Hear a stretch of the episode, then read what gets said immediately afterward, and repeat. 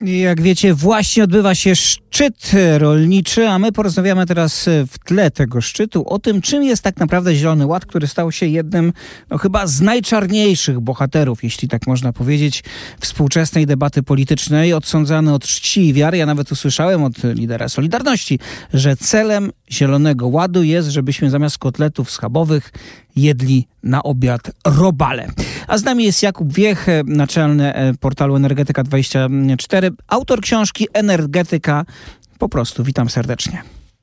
Dzień dobry panu, dzień dobry państwu. No to zacznijmy od pytania. Czy rzeczywiście w Zielonym Ładzie chodzi o to, żebyśmy zamiast schabowe, nie mam nic przeciwko schabowym, jedli robaki?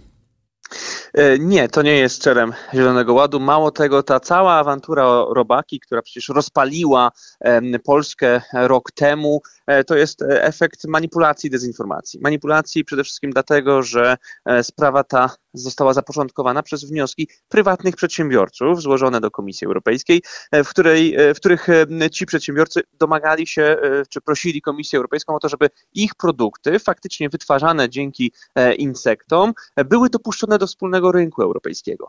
Natomiast e, powtórzę, to chodziło o wnioski prywatnych przedsiębiorców, którzy po prostu chcieli sprzedawać takie produkty na wspólnym rynku. Więc to nie jest tak, że tutaj Komisja Europejska w osobie na przykład Ursuli von der Leyen e, chciała przyjść i zabrać nam tego schabowego, zostawić garść e, robaków. To prywatni sprzedawcy chcieli po prostu handlować, więc no trudno tutaj zrozumieć. No jak oni chcieli przykład... handlować, to pewnie ktoś chciał kupować. No dobrze, ale to już zostawmy robaki, bo to było rok temu. W tej chwili to właśnie rolnicy mówią. Największym zagrożeniem dla nas, e, dla naszego rynku, poza oczywiście e, zbożem z Ukrainy, czy w ogóle produktami rolnymi z Ukrainy, która ma dużo bardziej wydajny rynek rolny, jest właśnie Zielony Ład. A zatem prawda to, czy fałsz? To była jeszcze do niedawna prawda, biorąc pod uwagę, e, powiedzmy, gorliwość protestów e, rolniczych rozlewających się od Portugalii po Łotwę.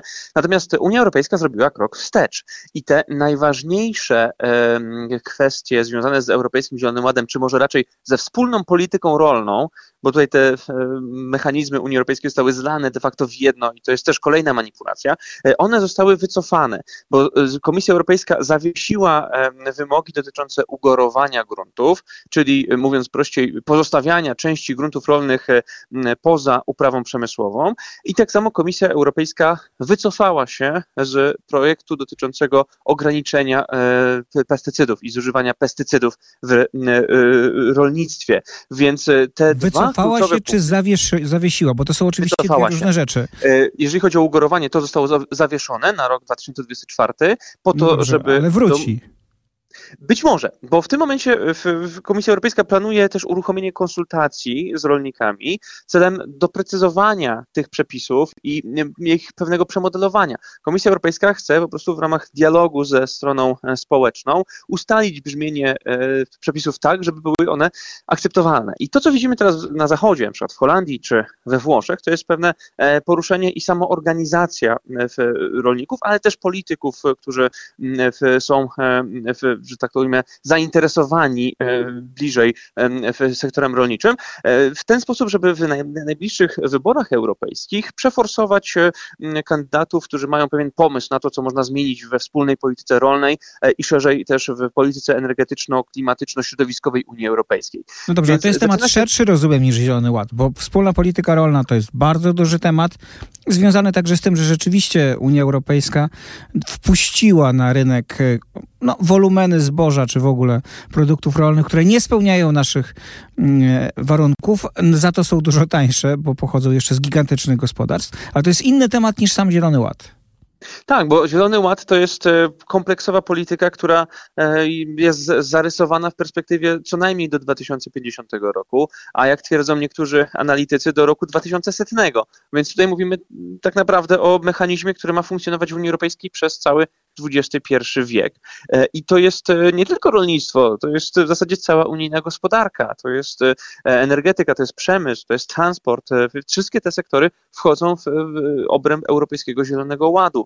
Duża część e, przepisów, które w takiej krótkiej i średniej perspektywie mają tworzyć tę politykę, została już przyjęta i wchodzi w życie. Mowa tutaj na przykład o pakiecie Fit for 55, który został przegłosowany i przyjęty na poziomie unijnym, który zawiera pewne mechanizmy dotyczące mm, wsparcia dla, dla rolnictwa, ale też te mechanizmy są w dużej mierze tak skreślone, żeby rolnikom za bardzo nie doskwierać. Na przykład jest wyłączenie rolnictwa ze systemu handlu emisjami. Także to jest, to jest pewnego rodzaju pójście na rękę. Tak, bo tu dodajmy, panie redaktorze, dodajmy, że rolnictwo, szczególnie to hodowlane, no, generuje gigantyczne ilości e, dwutlenku węgla. Ja bym powiedział, problematyczne nie jest to, że generuje dwutlenek węgla, e, tylko że generuje metan, bo metan jest o tyle specyficznym gazem cieplarnianym, że z nim w zasadzie nie wiadomo co zrobić. To znaczy dwutlenek węgla możemy na przykład wyciągać z atmosfery przez naturalne pochłanianie przez e, rośliny albo przez techniczne możliwości jego e, odsysania z atmosfery, takie jak systemy CCS czy CCU, Carbon Capture and Storage Utilization, czyli po prostu takie zasysacze, które pochłoną dwutlenek węgla z metanem nie możemy zrobić czegoś takiego. Nie ma technicznych możliwości wyciągania metanu raz oddanego do atmosfery, a metan jest znacznie silniejszym gazem cieplarnianym niż dwutlenek węgla. Na szczęście produkujemy go znacznie mniej, natomiast jego wpływ na efekt cieplarniany jest bardzo, bardzo mocny. I rolnictwo ze względu na hodowlę zwierząt, hodowlę przeżuwaczy, e, no jest emitentem e, metanu e, i dlatego to jest taki problem. Jeżeli chodzi o całość emisji rolniczych w strukturze emisji Unii Europejskiej, to nie jest to dużo, to jest nieco ponad 11%, tak licząc przez metodą ekwiwalentu dwutlenku węgla, więc to też nie jest sektor, który wymaga najpilniejszej dekarbonizacji. Tym sektorem jest przetwarzanie energii, rozumiane jako elektroenergetyka i ciepłownictwo. Natomiast no, rolnictwo jest właśnie problematyczne, dlatego że mamy deficyt możliwości technicznych, jeżeli chodzi o rozwiązanie jego problemów klimatycznych. No dobrze, to teraz idźmy dalej z tym Zielonym Ładem, dlatego że na razie protestują rolnicy w całej Europie, jak pan powiedział. Ale jeśli się dobrze wczytać w niektóre zapisy, to może okazać, że niebawem zaczną protestować kierowcy, firmy transportowe. Nie jest wykluczone, że także przemysł, ponieważ te zapisy e, no, dotyczą także tych przestrzeni. Owszem, to jest e, moim zdaniem nieunikniona e, jakby zależność przy wprowadzaniu tak e, potężnych mechanizmów jak Europejski Zielony Ład. Ja lubię porównywać Europejski Zielony Ład do rewolucji przemysłowych, bo moim zdaniem rewolucje przemysłowe najczęściej mają wspólny mianownik i jest to zmiana na polu pozyskiwania energii. Ta pierwsza rewolucja przemysłowa mm, spowodowała, że zmaksymalizowaliśmy ten uzysk energetyczny w naszej gospodarce i zaczęliśmy spożywać, konsumować więcej, znacznie więcej energii niż przedtem. Teraz natomiast staramy się, żeby ta energia była pozyskiwana w sposób nisko i zeroemisyjny. Natomiast znowu dotykamy sektora energetycznego. E, I e, zarówno ta pierwsza, jak i teraz ta najnowsza rewolucja przemysłowa, ona wywołuje i wywoływała bardzo duże protesty i bardzo duże, powiedzmy, ruchy społeczne. E, więc to jest moim zdaniem nieuniknione. Teraz pytanie, jak możemy minimalizować te negatywne nastroje i kompensować ewentualne trudności czy problemy wynikające z, z takiej transformacji, jaką zamierzamy wprowadzić prowadzić. To jest możliwe i tutaj e, jest e, szereg e, rozwiązań, które są przewidywane i wprowadzane na rzecz tego, żeby ta transformacja była też sprawiedliwa, no bo ona będzie sprawiedliwa albo nie będzie jej wcale. I to jest coś, co na przykład strona polska bardzo słusznie podkreśla już w zasadzie od sześciu lat, odkąd poszliśmy jako organizator w szczytu COP24 z hasłem Just Transition, sprawiedliwa transformacja. No więc możemy się faktycznie zmierzyć z, z potężnymi protestami, ale też e, na szczęście e, jesteśmy na takim etapie, gdzie duża część technologii, e, które e, są nam potrzebne, żeby osiągnąć spodziewane cele, nie tylko klimatyczne, ale też gospodarcze, jest dostępna, jest bardzo tania. I ja widzę ogromne szanse, które leżą w, właśnie oparciu się na pewnych technologiach, na pewnych rozwiązaniach technicznych, jako na w, w bezpośrednim wsparciu naszej, naszej transformacji.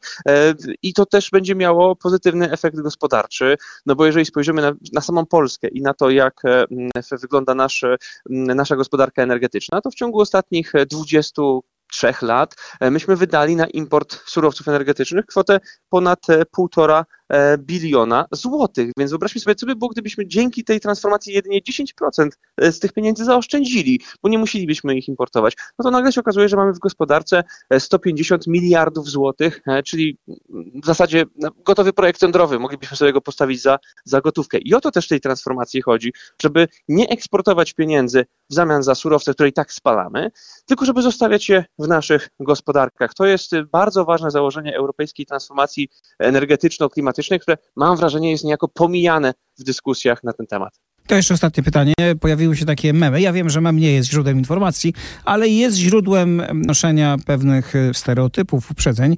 No, na tym memie widzimy mapę świata, widzimy zaznaczoną na zielono Europę. Jest proste pytanie, czy rzeczywiście Zielony Ład w Europie może uratować klimat na całym świecie, biorąc pod uwagę, jak maleńka w gruncie rzeczy jest Europa w odniesieniu do reszty świata? Oczywiście, że nie, ale to nie na tym rzecz polega. Nikt tego nie postulował, że sama Europa uratuje świat. Natomiast my po pierwsze jesteśmy trzecim największym na świecie emitentem gazów cieplarnianych po Chinach i Stanach Zjednoczonych, więc to już jest coś. Po drugie, mamy bardzo mocny wpływ na gospodarki zarówno chińskie, jak i amerykańskie. Jeżeli spojrzymy teraz na mapę wydatków na cele klimatyczne, to widzimy, że krajem, który najwięcej wydaje na politykę klimatyczną są Chiny. E, Chiny, które e, mniej więcej odpowiadają za połowę wydatków świata na, na ten cel, są największym inwestorem w źródła odnawialne, są największym inwestorem w energetykę jądrową, owszem, są też największym inwestorem w węgiel, ale to dlatego, że e, Chiny budują bardzo dużo elektrowni węglowych po to, żeby wycofywać starsze i odpalać nowe, a i tak spodziewają się niektórzy eksperci, że w najbliższych dwóch, trzech latach ich emisja z energetyki, nie całościowa, ale z samej energetyki zacznie spadać. Więc to będzie bardzo ważny, ważny sygnał, który może być przełomowy dla wielu krajów na świecie, jeżeli chodzi o to, w którym kierunku iść. E, a Europa sama w sobie może bardzo mocno oddziaływać na gospodarki właśnie Chin, Chin czy Stanów Zjednoczonych za pomocą mechanizmów e, celnych, takich jak Carbon Border Adjustment Mechanism, przyjęte już i wdrożone cło węglowe, e, które uderza finansowo w eksporterów, którzy produkują swoje towary czy usługi w państwach o wysokiej intensywności emisji. E, więc e, to są możliwości nacisku, to są możliwości e, pewnego przeformatowania obecnej gospodarki, tak, żeby uwzględnić koszty środowiskowe i klimatyczne. I to się właśnie dzieje na, na, na świecie. Można powiedzieć, że kraje, które odpowiadają za około 90% światowych emisji mają już zadeklarowane cele klimatyczne i większość z nich jest już w pewnej zaawansowanej fazie przygotowania e, swoich polityk klimatycznych i to można wskazać e, nie tylko właśnie Chiny, Stany Zjednoczone, Unię Europejską, ale też na przykład e, Japonię, również bardzo dużą gospodarkę. Także idziemy w tym kierunku już nie tyle na poziomie europejskim, ale moim zdaniem na poziomie globalnym. Bardzo dziękuję. Jakub Wiech, redaktor naczelny portalu Energetyka24.com naszym gościem. Także autor książki mm, Energetyka po prostu. Bardzo dziękuję za rozmowę.